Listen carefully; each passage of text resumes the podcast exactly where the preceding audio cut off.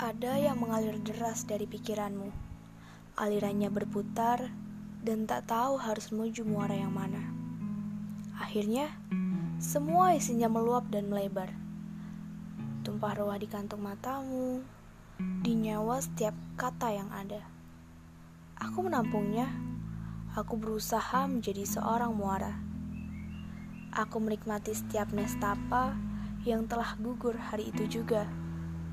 Dan saat itu, harga sebuah cerita adalah rasa percaya.